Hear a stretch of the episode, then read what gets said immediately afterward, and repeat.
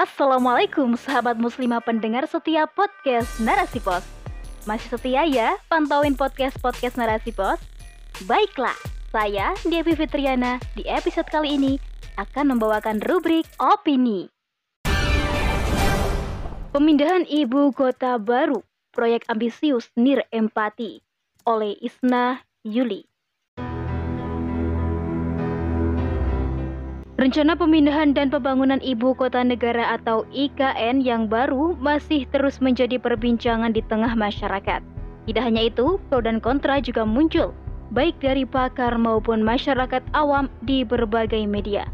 Jika rencana pengalihan IKN ini hanya sebatas pengalihan opini, kenyataannya pemerintah telah memastikan melanjutkan pembangunan IKN baru di Penajam Pasir Utara, Kalimantan Timur.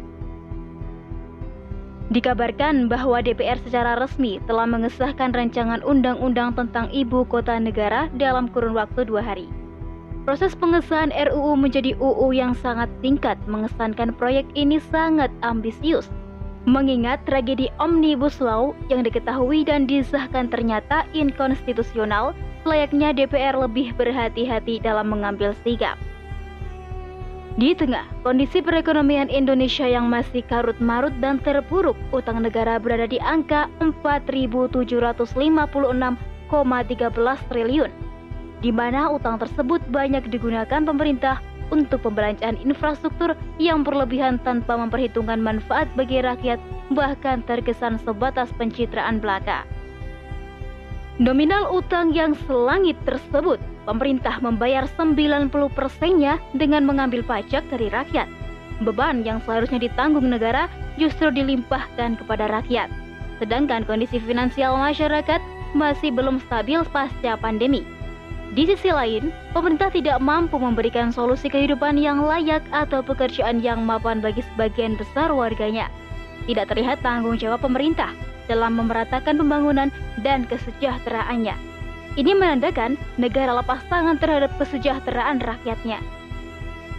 Di saat perekonomian kembang kempis, ternyata negara membiayai proyek IKN yang fantastis tersebut 53 persennya diambil dari APBN.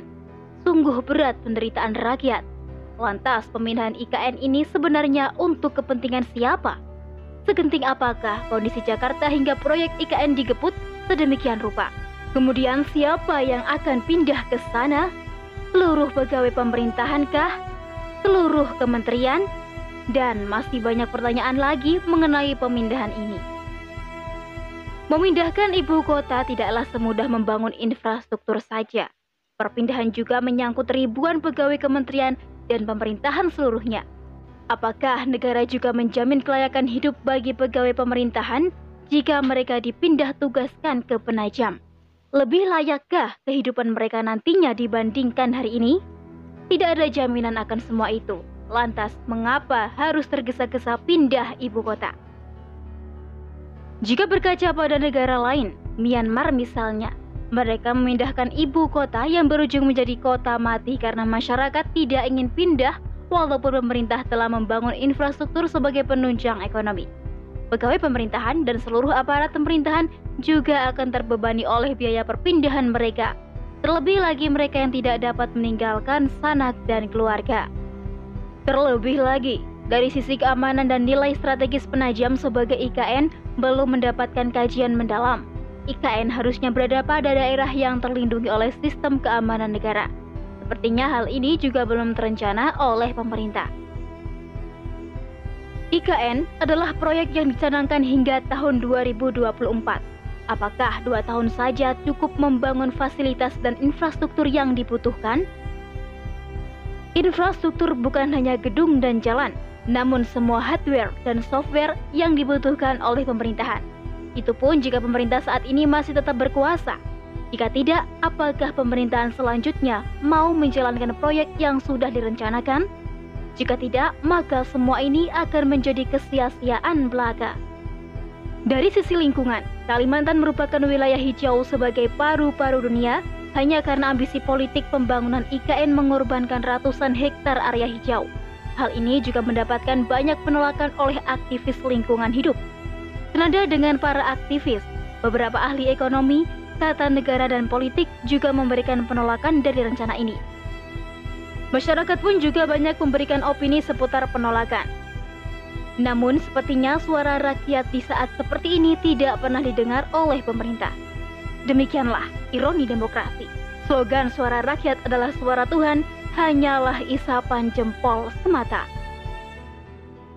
Kebijakan yang dikeluarkan tidak lagi untuk kepentingan rakyat. Kebijakan yang dibuat justru banyak membawa pada kezoliman dan kerusakan. Memindahkan ibu kota untuk alasan yang lebih baik ada benarnya. Namun saat ini rasanya masih kurang tepat jika rencana pemindahan terus dilanjutkan. Sungguh pemerintahan dir empati terhadap kondisi masyarakat saat ini. Perpindahan bisa dilakukan jika kondisi perekonomian stabil dan kesejahteraan masyarakat terjamin. Namun mengingat watak demokrasi yang tak bisa sejalan dengan kepentingan rakyat, akan sulit mendapatkan kondisi sejahtera yang diinginkan. Pengaturan pemerintah yang minus peran agama sangat kental dalam sistem demokrasi. Mereka menjadikan rakyat sebagai tameng atas segala perilakunya.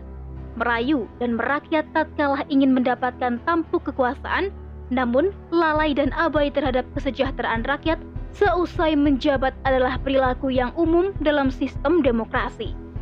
Politik transaksional marak terjadi antara calon pejabat dengan pengusaha. Dengan guyuran dana dari pengusaha, langkah mereka meraih kepemimpinan dapat diwujudkan. Selanjutnya, mereka akan berada dalam transaksi kepentingan yang berujung pada kebijakan-kebijakan yang berpihak pada pengusaha. Inilah alasan mengapa suara rakyat tidak pernah didengar oleh pejabat. Dari sini, rakyat semestinya paham dengan apa yang terjadi dalam sistem demokrasi saat ini. Demokrasi menafikan kepentingan rakyat. Oleh karena itu, benarlah bahwa sistem kehidupan terbaik hanyalah sistem yang berasal dari Islam. Sistem pemerintahan Islam yang tegak di atas kebenaran hakiki. Sistem yang mampu menjawab semua persoalan kehidupan serta memberikan konsep untuk mensejahterakan rakyat secara adil bukan hanya adil dan sejahtera bagi rakyatnya, namun juga bagi seluruh kehidupan di muka bumi. Allahu a'lam. Sekian rubrik opini kali ini. Sampai jumpa di rubrik opini selanjutnya. Saya Dewi Fitriana dan wassalamualaikum warahmatullahi wabarakatuh.